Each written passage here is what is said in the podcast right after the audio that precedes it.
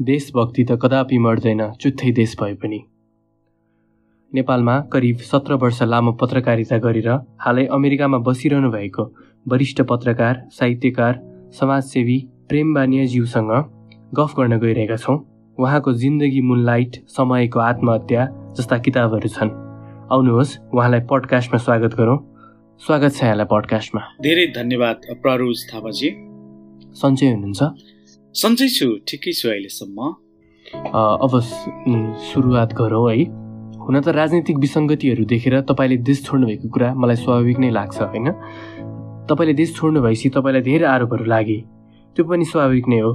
तर एउटा व्यक्तिको दृष्टिकोणले हेर्ने हो भने एउटा व्यक्ति जसले देशलाई माया गर्छ जसले देशलाई अगाध प्रेम गरेको थियो उसले देश छोड्नु पर्दा चाहिँ कस्तो महसुस गर्नुभयो?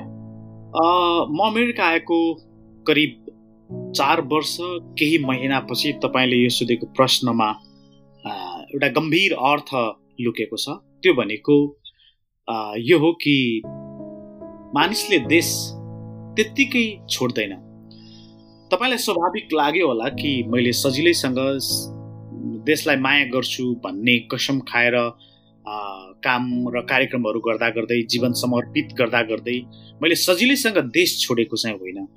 देश छोड्नु पछिल्तिर एउटा एउटा नागरिकले अझ खासमा हामी जस्तो निम्न वर्गीय परिवारबाट भुइँ मान्छेबाट माथि उठेका मान्छेहरूले त धेरै सोचेर र गम्भीर मोडमा मात्रै छोड्छ।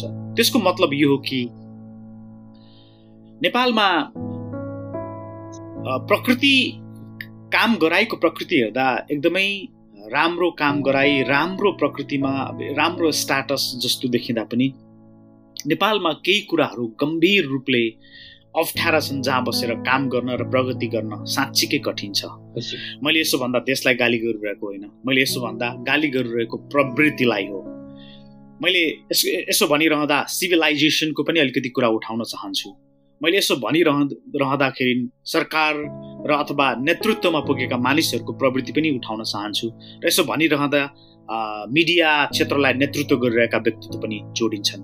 र सिङ्गो समाज नै जोडिँदै गर्दा यसको तात्पर्य चाहिँ कस्तो हुन्छ भने देशमा गर्छु भन्ने देशमै केही गर्छु र देशमै केही बन्छु भन्ने सपना लिएर हिँडिरहेको मान्छेले त्यति बेला चाहिँ देश छोड्न बाध्य हुन्छ।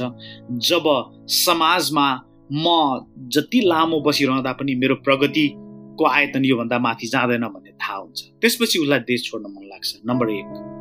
नम्बर दुई त्यो समाजमा बसिरहँदा मैले यो देशका निमित्त जति दिएको छु त्योभन्दा बढी दिन सक्ने वातावरण अन्त कहीँ छ भने यही देशको लागि दिनको लागि म केही समयको लागि बाहिर जाँदा यो देशलाई अझ बढी दिन सक्छु भने किन नदिने भन्ने हिसाबले पनि मान्छेले देश छोडेको हुन्छ। मेरो व्यक्तिगत मामिलामा यी दुइटै कारणहरू प्रमुख रहे। मलाई सर्भाइभल स्टोरीको लागि देश छोड्नुपर्ने सिचुएसन थिएन। तर पनि तितो सत्य यो कि नेपालमा मिडियामा काम गर्ने मानिसहरू एकदम स्वच्छ भएर एकदमै दायाँ बायाँ नगरिकन सिधा भएर एकदमै स्वाभिमानी भएर काम गर्नको लागि अहिले पनि गाह्रो छ। त्यसको भोगाई मैले पनि भोगेको हुँ। कि चाहिँ तपाईँले काम गर्दाखेरि त्यसको दायाँ बायाँ हेरेर काम गर्नुभयो भने त्यसको फाइदाका अनेक पक्षहरूलाई एनालाइसिस गरेर गर्नुभयो भने त्यो बेग्लै पाटो तर हामीले अथवा स्वाभिमानी पत्रकारहरूले त्यो गर्न जान्दैनन् र गर्दैनन्। अनि यदि गर्दैनन् भने तिनीहरूलाई खासमा भन्ने हो भने सर्भाइभिङ स्टोरीको लागि पनि अरू धेरै स्टोरीहरू जोड्नुपर्ने हुन्छ त्यो पत्रकारिताभन्दा बाहेक। सो यी केही सिचुएसनहरू हुन् त्यसले मलाई देशभन्दा बाहिर गएर बरु देशकै निमित्त केही परिवर्तन दिने हो भने पनि बाहिरबाट आर्जन गरेको ज्ञान अथवा अन्य धेरै चिजहरूलाई देशमा इम्प्लिमेन्ट गर्न सकिन्छ भन्ने एउटा सपनाले बढी मोटिभेट गर्यो। अनि अर्को चाहिँ नेपालकै परिस्थितिले पनि नेपालमा बसेर काम गर्दा पक्कै पनि धेरै साथीहरू हुनुहुन्छ। म उहाँहरूलाई नकारात्मक भावना प्रेषित गर्न चाहन्न तर यो चाहिँ भन्न चाहन्छु कि नेपालमा नकारात्मकता एकदमै ज्यादा छ। त्यसले गर्दा सकारात्मक सोचाइका प्रति लागिरहेका मानिसहरूलाई गाह्रो छ। त्यो बेलामा चाहिँ कस्तो फिलिङ्सहरू थियो? कस्तो भावनाहरू थियो? जब तपाईँ त्रिभुवन अन्तर्राष्ट्रिय विमानस्थलमा हुनुहुन्थ्यो होइन? जब देश छोड्दै हुनुहुन्थ्यो त्यो बेलामा चाहिँ? है तपाईँले त्यो प्रश्नलाई चाहिँ एकदम वस्तुगत रूपमा ठ्याक्कै जवाब खोज्नुभयो। त्यो चाहिँ कस्तो थियो भने म देश छोडेर जाँदैछु तर मैले देशको निमित्त मैले हिजो र आजसम्म जे गरेँ योभन्दा बढी गर्नुपर्छ। म गर्नको लागि जाँदैछु। मैले डेफिनेटली म विदेश गएर विदेशमा भाषिने हराउने उतै आफ्नो जीवनलाई समाप्त पार्ने उद्देश्यका साथ जाँदै छुइनँ म उड्दै गरेको यो प्लेनले मलाई जहाँ लगेर छोड्नेछ त्यही प्लेनले मलाई बोकेर फर्किनेछ र फर्किँदै गर्दा म उडेर नेपालबाट नेपाल छोडेर जाँदै गरेको प्रेम बानी भन्दा फर्केर आउँदै गरेको प्रेम बानी एकदम बलियो भएर आउनेछु भन्ने खालको भावना थियो मलाई। तपाईँको शब्द चयन मलाई एकदमै राम्रो लाग्छ है।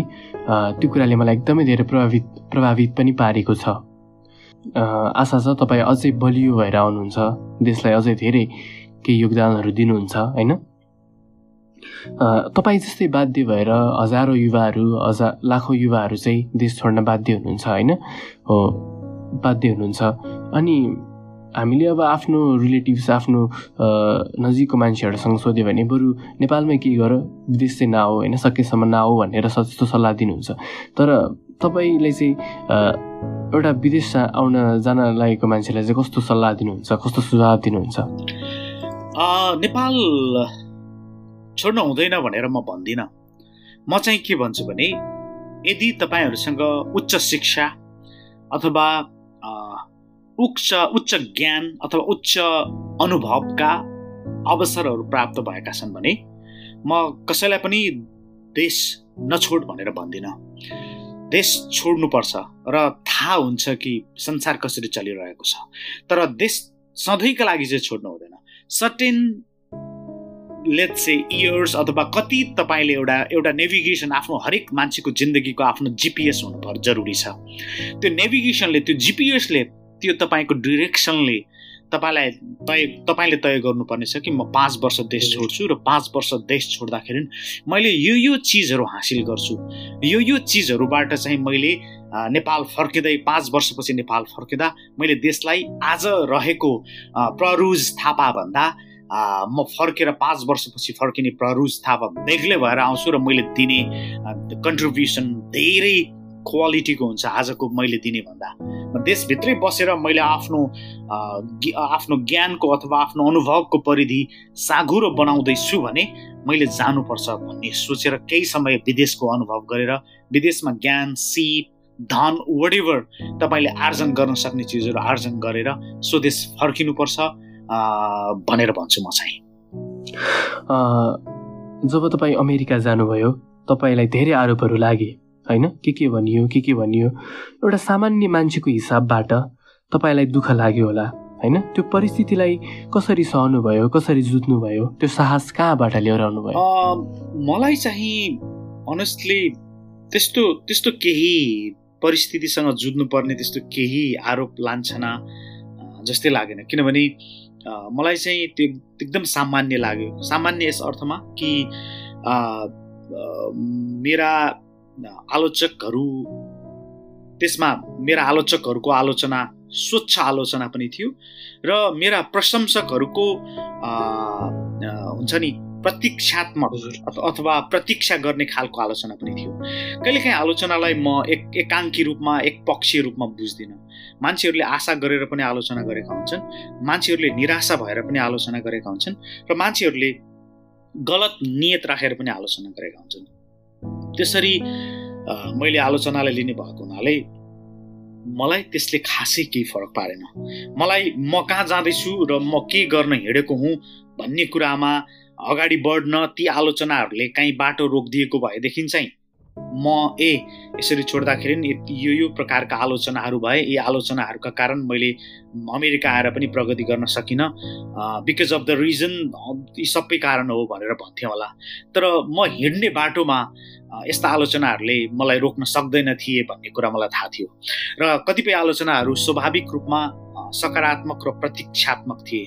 म मेरा प्रशंसकहरूको आलोचना जसले सकारात्मक आशा गरेर मलाई आलोचना गरेका थिए उनीहरूलाई उनीहरूले हिजो आलोचना हिलो हिजो अपेक्षा गरेका भन्दा पनि त्यसको त्योभन्दा धेरै गुणा बढी योगदान दिनको लागि तयार भइरहेको छु।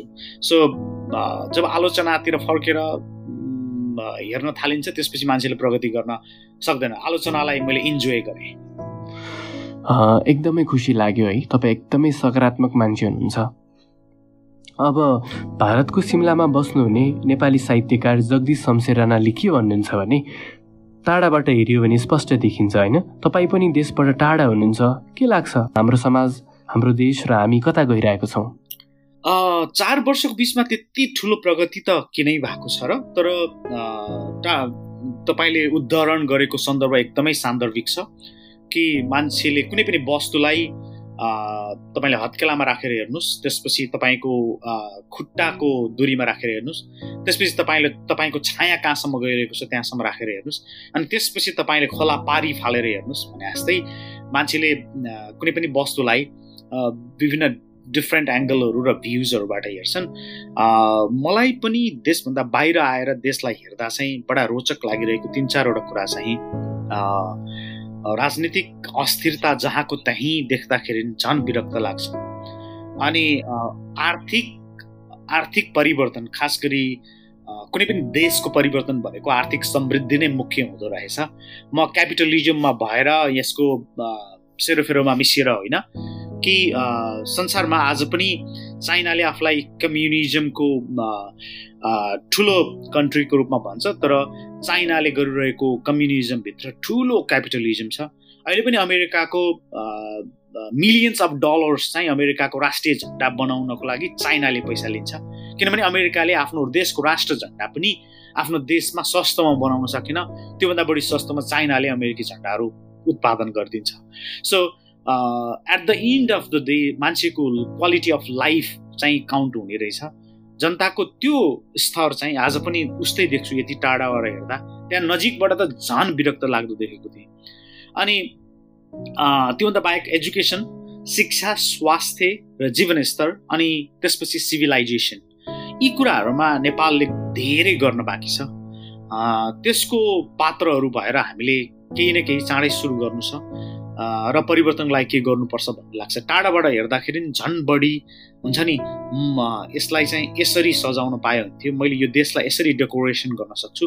यहाँका जनताको यस्तो सुन्दर पक्ष छ कि नेपाली जस्ता सोझा जनता कोही पनि छैनन् होला। संसारमा सयौँ पटक अथवा दर्जनौँ पटक एउटै पार्टीले एउटै नेताले उल्लु बनाउँदा नि उल्लु बनिरहन सक्ने अथवा झुक्क्याउँदा पनि झुक्किरहन सक्ने। त्यही काङ्ग्रेस हजुरबाउको पालामा हजुरबाउले भोट हालेको त्यही काङ्ग्रेसले मेरो मेरो गाउँमा के गर्यो भन्दाखेरि केही पनि गरेको छैन भन्ने थाहा छ। अनि त्यही हजुरबाउको हजुरबाउले भोट हालेको कम्युनिस्टले मेरो गाउँमा के गर्यो भन्दा केही गरेन भन्ने थाहा छ। त्यही हजुरबाउपछि छोरो जन्मियो बाउले पनि केही गरेन बाउको पालामा पनि ती पार्टीले केही गरेन भन्ने थाहा छ। तैपनि अझ नाति र पनाति पनि काङ्ग्रेस एमाले कम्युनिस्टको झन्डा बोक्दै हिँड्छन्। भनेपछि कति सोझा मान्छेहरू रहेछन् नेपालमा। मान्छेहरूलाई पुस्तौँ पुस्तासम्म लट्टाइरहन सक्ने झुक्क्याइरहन सकिने देश रहेछ। भन्ने जस्तो देखिन्छ यहाँबाट किनभने यो चलिरहेको देखिरहेको भोगिरहेको विषय भयो हाम्रो लागि। सो टाढाबाट हेर्दा झन् बढी देशका प्रति केही गरौँ जस्तो लाग्छ। अझ अब हाम्रो देशमा चाहिँ अझै बैसठी त्रिसठीको जस्तो परिवर्तन हुने सङ्केत देखिरहेको छौँ के लाग्छ तपाईँको अनुभवहरूले के बताउँछन्? अहिले तत्काल म यो देख्दिनँ किनभने हामीले धेरै बिचमा धेरै पुलहरू भत्काइसक्यौँ। वारीबाट पारी जाने कति बाटोहरू छैनन्। राजनीतिक रूपमा संवैधानिक रूपमा अन्तर्राष्ट्रिय समुदायको सम्बन्धका रूपमा धेरै हिसाबले सो अहिले तत्काल म बैसठी त्रिसठीको जस्तो आन्दोलन फेरि होला अनि त्यसपछि देशमा अर्को ठुलो अर्को कुनै नयाँ व्यवस्था आउला जस्तो म देख्दिनँ। भाइ यो सम्झ्यो भने त अलिकति विरक्तै लाग्छ है। विरक्त मान्न पर्दैन। एउटा चाहिँ युवा साथीहरूलाई मेरो एकदम पोजिटिभ मोटिभेसन इन्करेजमेन्ट चाहिँ के हो भने तपाईँहरू देशमै हुनुहुन्छ भने देशमै केही नयाँ गर्ने कोसिस गर्नुहोस्। खालि सिसी बनाएर हाम्रा युवा साथी भाइ बहिनीहरूले जे कोसिस गरे खाली सिसी डट कम अथवा वाट एभर खाली सिसीको प्रयोग भने जस्तै एउटा सानो चिज होला तर साना साना चिजहरू नेपालमा यति धेरै कन्टेन्ट र विषयवस्तु छन् कि जे गरे पनि पाइनियर भइहाल्छ वर्ल्डमै फर इन्स्टेन्ट सपना रोका मगर। सपना रोका मगरले जुन जुन लास दाह संस्कारको अभ्यासबाट आफूलाई स्थापित गरिन् I proud of for because एउटा एउटा छोरी मान्छेले समाजमा केही गर्न खोजेको नयाँ कोसिस थियो र साहस थियो। होइन यस्ता उदाहरणहरू नेपाली समाजमा यति धेरै छन् कि सपना रोगका मगरदेखि पछिल्लो पात्र उहाँ हुनुभयो। त्योभन्दा अगाडिको जेलमा बस्ने बा आमाका छोराछोरी पालेर हाम्रो सिएनएन हिरोसम्म पुग्ने पात्रदेखि माइती नेपालको अनुराधासम्म अनुराधा कोइरालासम्म। अनि यो बिचमा यस्ता यस्ता नामहरू यति धेरै छन् महावीर पुङले राष्ट्रिय आविष्कार केन्द्रको लागि गरिरहेको कोसिसदेखि। यति धेरै चिजहरू छन् कि इनोभेसन वर्ल्डलाई हुन्छ नि संसारका निमित्त उदाहरणीय शिक्षा दिन सक्ने ठाउँ चाहिँ नेपाल हो। नेपालबाट धेरै थोक गर्न सकिन्छ। यति मात्र हो कि त्यहाँ जुझ्न चाहिँ सक्नुपर्छ। सो विदेशमा कोही हुनुहुन्छ भने देशमा गएर केही गर्ने कोसिस गर्दै हुनुहुन्छ भने उहाँहरूको लागि पनि देशमा सुनौलो वातावरण छ। एकदम हृदय खुल्ला राखेर भनिरहेको छु। अनि नेपालमै कोही हुनुहुन्छ युवा साथीहरू जसले केही गर्न देशका निमित्त केही गर्न खोजिराख्नु भएको छ भने पनि नेपाल चाहिँ एउटा यस्तो स्वर्ग जस्तो देश हो जहाँ चाहिँ तपाईँले गरेका हरेक कामहरू पूज्य हुन्छन्। समाजका निमित्त आफूभन्दा अलिकति माथि उठेर म आफू आफ्नो परिवारभन्दा अलिकति माथि उठेर माथिल्लो घेरामा पुगेर देश र समाजका निमित्त केही गर्ने हो भने नेपाल जस्तो बेस्ट कन्ट्री नेपाल जस्तो बेस्ट सोसाइटी भनौँ न नेपालित्व भएका सोसाइटी चाहिँ पृथ्वीमा अन्त काहीँ छैन होला। किनभने मैले मेरो अनुभवले संसारका म पच्चिस तिसवटा भन्दा बढी देशका मानिसहरूसँग काम गरिरहेको छु। उनीहरूको संस्कार उनीहरूको काम गर्ने शैली उनीहरूले अवलम्बन गरिरहेको जीवन सभ्यता भन्दा हाम्रो सभ्यता धेरै माथि छ। हामीले धेरै गर्न सक्छौँ देशमा। घर छोड्नु भएपछि चाहिँ घरको धेरै माया लाग्यो कि क्या हो? एक किसिमले हो तर घर छोडेको होइन मैले छोडेको छैन। आई मिन घरबाट केही समयको लागि केही समयको लागि जो पनि मान्छे बाहिर जानुपर्छ आई मिन सबै जानुपर्छ भनिरहेको छैन। जो पनि म चाहिँ मेरो परिस्थितिले बाहिर आउनु पर्यो यो परिस्थितिमा मैले घरलाई बढी मिस गरिरहेको छु। द्याट इज राइट तपाईँकै शब्दहरू सापट्टि लिएर भन्न चाहन्छु होइन? विदेश जानु भनेको चाहिँ इन्द्रेणीको सातवटा रङहरू हुन्छन् भने पाँचवटा रङ स्वदेशमै छोडेर दुईवटा रङको लागि जाने हो। त्यो दुईवटा रङ चाहिँ तपाईँको जीवनमा के के भए? भेरी गुड क्वेसन पहिलो रङ नम्बर एक अनुभव। अनुभवभित्र विदेशी सिस्टमहरू विदेशी विदेशका सभ्यताहरू। म अमेरिका बसेर अमेरिका मात्रै पढिरहेको छुइनँ। मैले संसारको मैले अघि पनि सम्बोधन गरेँ एक्ज्याक्ट कन्ट्रिजको नाम लिने हो भने म एकतिसवटा सरदर एकतिसवटा देशका मानिसहरूसँग काम गर्छु। त्यो देशको परिवर्तन विकास civilisation the the way how they like communicate with other people अनि त्यसपछि सिस्टमलाई उनीहरूले कसरी अवलम्बन गर्न सके सकेनन् अथवा हुतु र तुच्छीको कुरा गर्ने हो भने एक जातिले अर्को जातिलाई कसरी मार्यो होला? ती कुराहरू म यहाँ आएर पढिरहेको छु। म अफ्रिका पुग्नुपर्ने कथा अफ्रिका पुगेर सिक्नुपर्ने स्टोरी म अमेरिका आएर सिकिरहेको छु। यसको मतलब एक नम्बर कलर नम्बर एक अनुभव। जुन अनुभवभित्र धेरै चिजहरू मैले जस्ट मेन्सन गरेँ। दुई नम्बर अघि तपाईँले उठाउनु भएको सन्दर्भ दोस्रो नम्बरको कलर छ अलिकति पर राखेर देशलाई बुझ्ने अलिकति आफैलाई पर राखेर आफैलाई हेर्ने भने जस्तै अलिकति पर राखेर देशलाई बुझ्ने। किनकि मलाई राम्रोसँग थाहा थियो र छ मैले जुन दिन देश छोडेर हिँडेँ अझै दस वर्ष मैले भनेको थिएँ हिँडे हिँडे हिँड्ने बेलामा। दस वर्षसम्म त्यो देशमा के के हुन्छ भन्ने कुरा मैले अलरेडी क्यालेन्डरमा लेखेर हिँडेको थिएँ। दस वर्षसम्म प्रधानमन्त्री हुने मान्छेहरूको नाम भनेर हिँडेको थिएँ। यो देशमा को को हुन्छन् प्रधानमन्त्री दस वर्ष? यो देशमा को को हुन्छन् सर्वोच्च अदालतको प्रधान न्यायाधीश? को को हुन्छन्? आर्मीको चिफ को को हुन्छन्? पुलिसको प्रधान के भन्छन्? प्रहरी प्रमुख होइन? भनेर मैले भनेको थिएँ। सो मैले किन भनेको थिएँ भने आई वाज सो कन्फिडेन्ट किनकि द कन्ट्रीको वेभ कसरी गइरहेको थियो भने अहिले पनि कसरी गइरहेछ भने त्यही मुठीभर मान्छेहरूको दसजना दसजनाले पन्ध्रजनाले देश चलाउनु तिनीहरूको मुठीभित्रै देश बसिदिनु पर्ने बन्धक भइदिनु पर्ने अवस्था थियो। र त्यो अहिले पनि छ। अझै पनि यही फ्रन्ट लाइनका मान्छेहरू यिनै प्रचण्ड यिनै केपी ओली माधव नेपाल शेरबहादुर देउवा होइन यो यो लेयरभन्दा यी चार पाँचजनाको लेयरभन्दा तलतिर देशै गएको छैन। अझै दस वर्ष नजाला होइन? मैले त दस वर्ष भनेको थिएँ चार वर्ष बितेर गयो छ वर्ष बाँकी छ हेर्दै जाउँ सो यी चिजहरू मेरो जीवनमा एउटा अनुभवको एउटा एउटा रङहरूको अभाव थियो। म अब आएर म हिजोको प्रेम बानिया भन्दा फरक र बलियो अग्लो प्रेम बानिया भएर बोल्न सक्ने भएको छु। त्यो ज्ञान आर्जन गरेको छु सङ्ग्रह गरेको छु। जुन चिज लागि म विदेश आएको थिएँ। पाउनु भएको कुराहरू त भन्नुभयो होइन? गुमाउनु भएको कुराहरू के के छन्? तपाईँ अमेरिका गएर गुमाउनु भएको कुराहरू के के जस्तो लाग्छ? त्यो चाहिँ अब यो बिचमा मैले धेरै साथीहरू गुमाएँ जस्तो लाग्छ। साथीहरू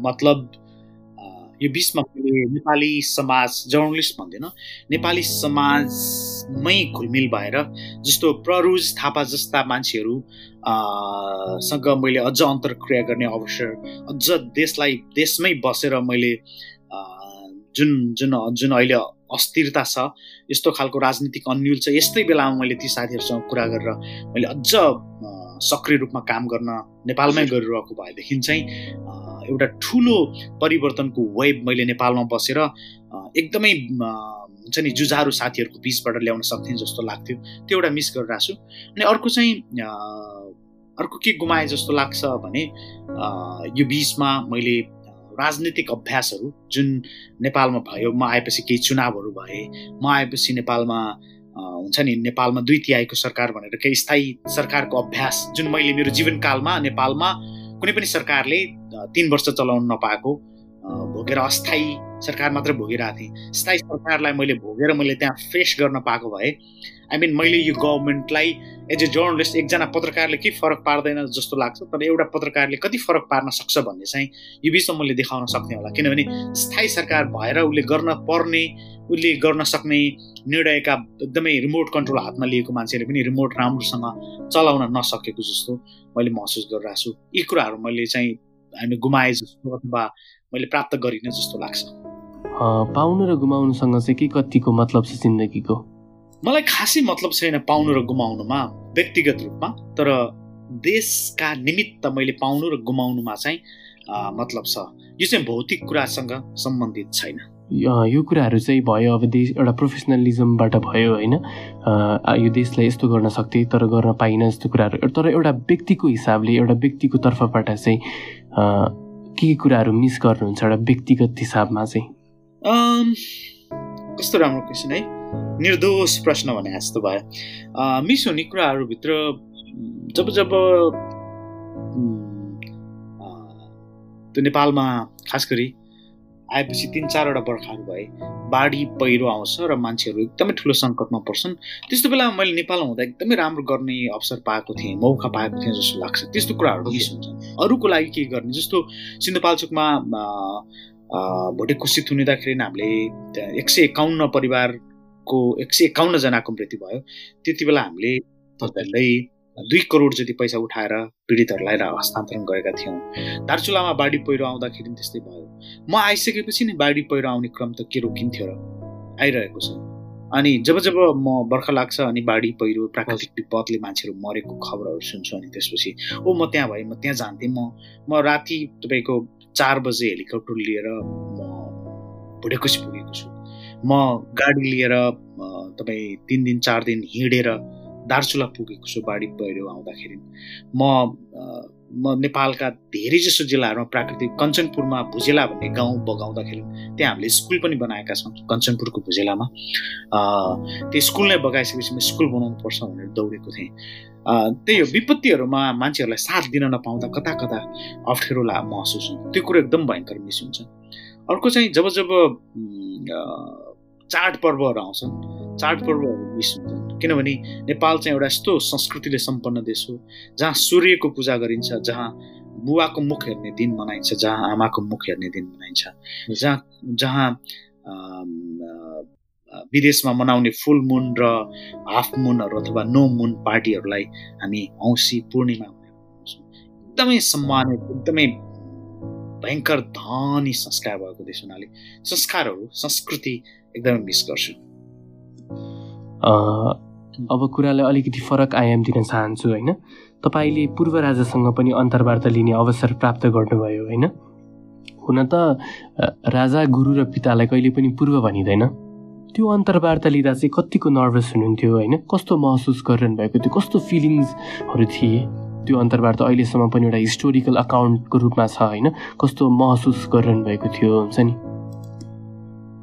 म त्यस्तो नर्भस त महसुस गरेको थिइनँ किनभने म तिन चारदेखि नै उहाँसँग सँगसँगै जस्तो थिएँ। अनि नर्भसको हिसाबले चाहिँ थिएन। तर एउटा सत्य चाहिँ के हो भने पहिलोपटक सम्भवतः इतिहासमा पहिलोपटक राजालाई तपाईँ भनिएको थियो औपचारिक रूपमा। सो मैले चाहिँ सम्बोधन गर्ने कुराहरूमा चाहिँ उहाँले त्यसलाई अन्यथा लिनुहुन्छ कि भन्ने डर चाहिँ लागेको थियो। कस्तो कि त्यो मौसुफ हजुर नेपाली भाषाका अति आदरणीय शब्दहरू खास गरी नेपाली भाषामा त्यसको जुन भाषिक सम्मानका वर्गीकरणहरू छन् त तिमी तपाईँ हजुर मौसुफ होइन? राजालाई चाहिँ मौसुफ भनेर सम्बोधन गरिने थियो। त्यो सबैभन्दा उच्च वर्गको सम्मानित शब्दावली थियो।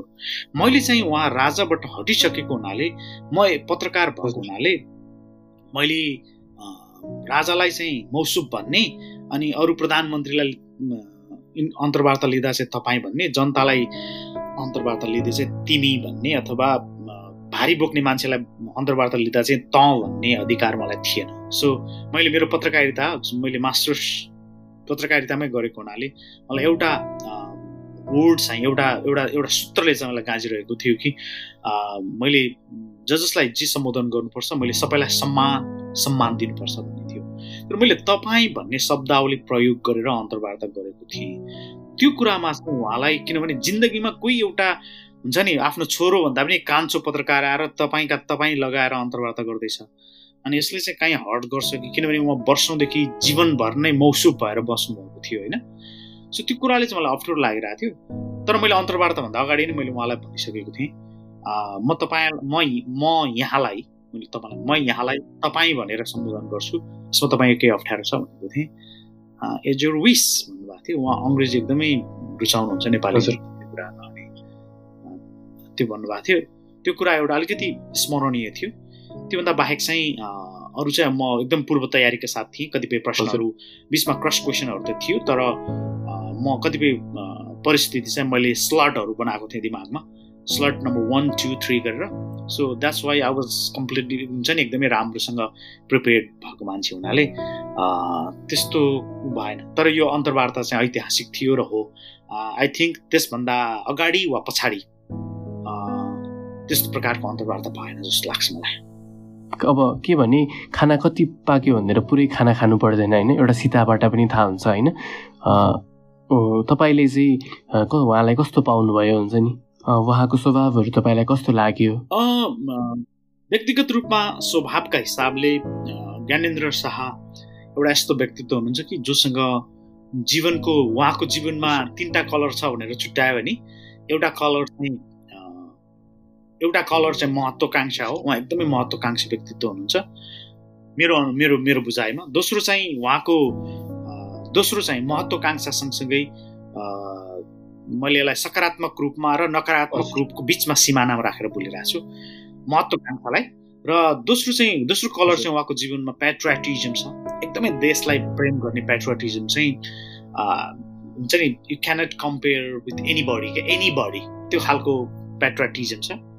त्यो राष्ट्रियता देशभक्ति चाहिँ त्यो त्यति गएर पाउँछौँ। उहाँको साहित्य पढ्नुभयो भने पनि जी शाहका गीतहरू त्यो छ। महत्त्वकाङ्क्षा त्यसलाई नकारात्मक र सकारात्मक रूपमा लिन सकिन्छ अनि दोस्रो चाहिँ देशभाव देशभक्ति एकदमै सकारात्मक रूपमा लिन सकिन्छ। दोस्रो चिज अनि तेस्रो कलर चाहिँ उहाँलाई व्यक्तिगत रूपमा भन्यो भने उहाँ चाहिँ जीवनमा एकदमै एक्सन ओरिएन्टेड हुनुहुन्छ। एक्सन चाहिन्छ एकदमै एक्सन ओरिएन्टेड। त्यही भएर पनि उहाँले हामी त्यो महत्त्वकाङ्क्षा र त्यो एक्सन ओरिएन्टेड मिल्दाखेरि कहिलेकाहीँ नेगेटिभ रिजल्ट आउँछ। अनि कहिलेकाहीँ त्यो महत्त्वकाङ्क्षा र पेट्रियटिजम मिल्यो भने पोजिटिभ रिजल्ट आउँछ। अनि त्यो पेट्रियटिजम र एक्सन ओरिएन्टेड मिल्यो भनेदेखि झन् पोजिटिभ आउँछ।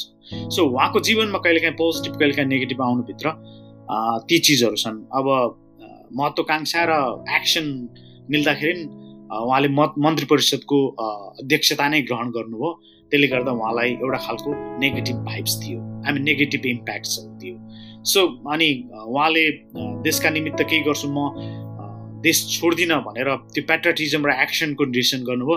देशमा सामान्य नागरिक भएर बस्नुभयो। त्यसले एकदमै पोजिटिभ काम गर्यो। सो उहाँको जीवनमा तिनवटा एकदमै महत्त्वपूर्ण कलरहरू छन् थिमहरू छन्। ती थिमहरूले कहिलेकाहीँ एउटा अर्कोसँग मिलिदिन्छ र बिग्रिन्छ। कहिलेकाहीँ एउटा अर्कोसँग मिलिदिन्छ र एकदम राम्रो हजुर। त्यो अवसर प्राप्त गर्नुभएकोमा चाहिँ आफूले आफूलाई एकदमै धेरै भाग्यमानी ठान्नुहुन्छ होला है। या अफकोर्स किनभने बिरलै नेपाली पत्रकार खास गरी नेपाली मिडियामा काम गरेको एउटा संसारकर्मीको हिसाबले मैले कृष्ण प्रसाद भट्टराईसँग पनि अन्तर्वार्ता गर्ने अवसर पाएँ र पूर्व राजा Gyanendra शाहसम्म। I mean I am so fortunate I am so blessed I am so happy and त्यसपछि यो सिचुएसन मलाई जसरी प्राप्त भयो यसले मलाई एकदमै गर्व दिइरहेछ। उहाँले चाहिँ तपाईँले प्रेज पनि गर्नुभएको थियो होइन? तपाईँको कार्यक्रमको पनि प्रेज गर्नुभएको थियो। स्वाभिमान भन्ने वर्ड मलाई एकदमै क्याची लागेको थियो पनि भन्नुभएको थियो। हो उहाँ चाहिँ जय स्वाभिमानको एकदमै नियमित दर्शक हुनुहुन्थ्यो अनि उहाँले जय स्वाभिमानको हामीले अफ द रेकर्ड पनि धेरै कुराहरू भयो। म पाँच चार पाँच दिन नै सँगै जस्तो बसे पनि सिद्धार्थ होटल हावामा। धेरै अफ द रेकर्ड कुराकानीहरू पनि भएका छन्। उहाँलाई त्यो मैले अघि पनि भने पेट्राटिजमले एकदमै गहिरोसँग गाँजेको हुनाले उहाँले त्यो एकदमै मन पराउनु भएको थियो हजुरले एउटा कार्यक्रममा हाम्रो सम्माननीय प्रधानमन्त्रीज्यूलाई होइन ढिलो गरेर भए पनि आइदिनु भयो भन्दाखेरि उहाँले काउन्टर जवाफ खत्रै दिनुभएको थियो होइन एउटा हास्यास्पद जवाफ दिनुभएको थियो। हुन्छ नि त्यो बेलामा चाहिँ के महसुस गर्नुभएको थियो? त्यो कुरा एकदमै धेरै चर्चित पनि बनेको थियो पछिल्लो समयमा। प्रधानमन्त्रीले त्यो भन्दा चाहिँ मलाई के लाग्यो भने आई मिन मैले चाहिँ टाइमको कुरा गरिरहेको थिएँ। टाइमको ख्याल गरिदिए मात्रै यो देश धेरै अगाडि बढ्छ नेपाल। कम्तीमा प्रधानमन्त्री लेभलको मान्छे अथवा त्यो लेभलको मान्छेले चाहिँ टाइमको मर्यादा समयको मर्यादा ख्याल गरिदियो हुन्थ्यो भन्ने आशले मैले भनेको थिएँ। उहाँ चाहिँ कम्प्लिटली झन्डै दुई घन्टा सर त ढिलो आउनु भएको थियो खासमा भन्यो भने होइन? अनि त्यत्रो ढिलो आउँदाखेरि पनि अनि आएपछि अलिकति हुन्छ नि संस्कार एउटा त हुन्छ नि आइएम सो सरी अब I I had different situation whatever you can हुन्छ नि गरेर मैले ढिलो आएँ। सरी है भन्न सक्नु पर्थ्यो कि जस्तो मेरो अपेक्षा थियो। तर त्यसो नभनेर आई मिन उहाँको प्रतिक्रिया जुन आयो त्यसपछि अफ द रेकर्ड कुराकानी पनि भयो। पछि उहाँ अमेरिका आए बेलामा मेरो न्युयोर्कमा पनि भेट भएर कुरा भयो। त्यो विषयमा पनि अलिकति कुरा भएको थियो। तपाईँले त मलाई पेलेर भन्नुभएको थियो। तपाईँले प्रधानमन्त्री नै भनेर ख्याल नगरे जस्तो टाइपको भयो मलाई फिल भन्नुहुन्थ्यो। अब द्याट इज मी किनभने अब कहिले काहीँ सिचुएसनमा तपाईँले आई मिन टाइमको ख्याल नगर्दाखेरि त मान्छेलाई हर्ट हुन्छ नि। एउटा चिफ गेस्टको लागि भनेर दुई घन्टादेखि अरू हुन्छ नि सयौँ मान्छेहरूलाई कुरा हुन्छ भन्ने खालको मेरो आशय थियो। त्यसमा त्यसलाई मैले हुन्छ नि घटनाक्रममा अब पत्रकारिता जीवनमा यस्तोहरू भइरहन्छ त्यसमध्येको एउटा प्रमुख घटना यो भयो भन्न छु। मेरो व्यक्तिगत विचारमा चाहिँ तपाईँ चाहिँ एकदमै धेरै भाग्यमानी पत्रकार जस्तो लाग्छ है। तपाईँको अभिव्यक्ति तपाईँको स्पिचहरूमा पनि त्यस्तै मर्म पाउँछौँ हामीले होइन? हामी वीर छौँ त बुद्धु छौँ। बुद्धु छौँ त वीर छौँ होइन? हाम्रो देशलाई कसैले केही भन्यो भने हामी एकदमै धेरै तातिन्छौँ होइन? हाम्रो देशप्रतिको एकदमै धेरै अगाध माया छ क्या? तपाईँको विचारमा देश प्रेम चाहिँ के रहेछ होइन? कस्तो चिज हो यो कस्तो कुरा हो यो देश प्रेम एकदम भयङ्कर ठुलो गरुङको प्रश्न हो यो। देश प्रेम चाहिँ जब एउटा मान्छेले आफ्नो आफू जन्मेको मातृभूमि आफू नाभि गाडिएको देश माटो र आफू जन्मेको देशलाई माया गर्न सक्दैन। त्यसले संसारमा जिन्दगीमा केही पनि गर्न सक्दैन। भनेपछि अनुमान गर्नुहोस् संसारमा सबभन्दा ठुलो माया र प्रेम गर्व भनेको नै देश हो। यदि मलाई यदि जीवनलाई दुईटा भाग लगाएर त त आफ्नो जीवन बाँच्छस् कि देशको निम्ति मर्छस् भनेर कसैले सोध्यो भने म देशको निम्ति मर्छु म एक मिनट पनि बाँच्न चाहँदैन चाहन्न भन्ने गोर्खालीको पहिचान भएर जन्मिएका हामी। सो त्यो पहिचानलाई म यद्यपि अहिले पनि सिरोधारी गर्दछु। यसको मतलब देश प्रेम भने चाहिँ एउटा यस्तो प्रेम हो जुन प्रेमको तुलना अर्को कुनै पनि प्रेमसँग हुन सक्दैन। जुन प्रेममा प्रेम मात्र हुँदैन। गर्व हुन्छ। जुन प्रेममा गर्व मात्र हुँदैन आत्मानुभूति हुन्छ। आत्मानुभूति मात्र हुँदैन। सिङ्गो आफू र आफूभन्दा पनि फराकिलो आयतन हुन्छ। त्यस्तो खालको प्रेम नै देश प्रेम हो जस्तो लाग्छ मलाई। कहिलेकाहीँ एकान्तमा समीक्षा गर्दा आफ्नो जीवन कस्तो पाउनुहुन्छ? यो धेरै अनुभवहरू पटुलिसक्नुभयो धेरै उतार चढावहरू भोगिसक्नुभयो। कस्तो लाग्छ? कस्तो पाउनुहुन्छ? एकान्तमा जीवन एक्लै सोच्दा लाग्छ जिन्दगीमा गर्नुपर्ने धेरै बाँकी छ। र जिन्दगीको सफलता भनेको आफ्नो व्यक्तिगत सफलताभन्दा माथि केही छ। र केही गर्नुपर्छ जस्तो लाग्छ। आफू र म मात्रैको लागि चाहिँ हरेकले गर्न सक्छ म त्योभन्दा माथि उठ्नुपर्छ जस्तो लाग्छ। म केही फरक हुनुपर्छ जस्तो लाग्छ। अनि मैले म बाँच्दाखेरि म बाँचेको समयले अरूलाई के दियो मलाई सम्झिने के कारण मान्छेहरूले मलाई सम्झिन्छन् भन्ने कुराको पहिचान छुट्याउन सक्नुपर्छ जस्तो लाग्छ। र म त्यसैको लागि कोसिस गरिरहेको छु खासमा। जति पनि मेरो गेस्टहरू हुनुभयो होइन उहाँहरूलाई चाहिँ मैले के सोध्थेँ भने प्रेम के हो भनेर सोध्थेँ होइन। तर यो श्रृङ्खला एकदमै पृथक छ। त्यसकारण तपाईँलाई म त्यो प्रश्न चाहिँ सोध्दिनँ होइन। तपाईँलाई मैले के सोध्न चाहेँ भने जीवन चाहिँ के हो? के लाग्छ तपाईँलाई? जीवन के हो त? जीवन गम्भीर प्रश्न आयो। जीवनको बारेमा धेरै किसिमका अनुभवहरूको आधारमा मानिसहरूले जवाब दिन्छन्। म चाहिँ जीवनलाई अलिकति अलिकति गहिराई र उचाइबाट हेर्ने भएको हुनाले जीवन चाहिँ एउटा यस्तो टाइम फ्रेम हो। त्यो टाइम फ्रेमभित्र जसले जति राम्रो पर्फर्मेन्स गर्न सक्यो त्यो पर्फर्मेन्स नै त्यो मान्छेको जीवन हो। जन्म र मृत्युको बिचमा गर्न सकिने पर्फर्मेन्सहरू नै जीवन हो। आखिरमा जीवन भनेको कुनै भौतिक शरीर र भौतिक गतिविधि भन्दा माथि हो मेरो मेरो विचारमा। र जीवन चाहिँ मृत्यु जन्म र मृत्युको बिचमा गरिने पर्फर्मेन्सहरू त्यो पर्फर्मेन्स तपाईँले कस्तो गर्नुहुन्छ त्यसले तपाईँको जीवन तपाईँ जीवन बाँच्नुभयो कि तपाईँ रुख बाँच्नुभयो अथवा एउटा मुडो बाँच्नुभयो अथवा एउटा एउटा ढुङ्गा बाँच्नुभयो भन्ने कुरा फरक पर्छ। हजुरको अभिव्यक्तिहरू होइन? हजुरको स्पिचहरू सुन्दा चाहिँ के पाउँछौँ भने हामीले हजुरले चाहिँ एकदम धेरै समयलाई महत्त्व दिनुहुन्छ भन्ने कुरा हामीले पाउँछौँ होइन? यदि यदि टाइम ट्राभल गर्न सक्नुहुन्थ्यो भने अठार वर्षीय प्रेम बानियालाई के सुझाव दिनुहुन्थ्यो? अठार वर्षीय प्रेम बानियाले सबभन्दा पहिला आफ्नो जीवनको जिपिएस बनाओस् भन्ठान्थेँ म चाहिँ जिपिएस म चाहिँ जिपिएस बनाउँदै हिँड्दै जिपिएस खन्दै हिँड्दै बाटो खन्दै हिँड्दै गरेँ। तर जिन्दगी म यदि अठार वर्ष अगाडि जान पाउँछु पाउँथेँ भने म पहिला जिपिएस बनाउँथेँ हामी नेभिगेसन बनाउँथेँ मेरो डिरेक्सनहरू बनाउँथेँ। आई मिन मैले जीवनमा म हिँड्नुपर्ने डिरेक्सन चाहिँ यहाँ हो। अनि त्यसपछि त्यसमै लागि पर्थेँ त्यसमै लागि पर्थ्यो निरन्तर। अनि त्यसले चाहिँ मलाई त्यहाँसम्म त्यो त्यसको गन्तव्यसम्म पुर्याउँथ्यो जस्तो लाग्छ एउटा। अर्को चाहिँ कति चिजहरू मैले बिचमा वेस्ट गरेँ जस्तो लाग्छ टाइम मैले टाइम चाहिँ अठार वर्षदेखि म झन्डै चालिस वर्ष पुग्न लागेँ। यो बिचमा मैले वेस्ट गरेका केही टाइमहरू चाहिँ जस्तो कि त्यसलाई आई मिन मैले नेभिगेसन बनाएको भएदेखि म त्यही बाटोमा हिँड्थेँ होला।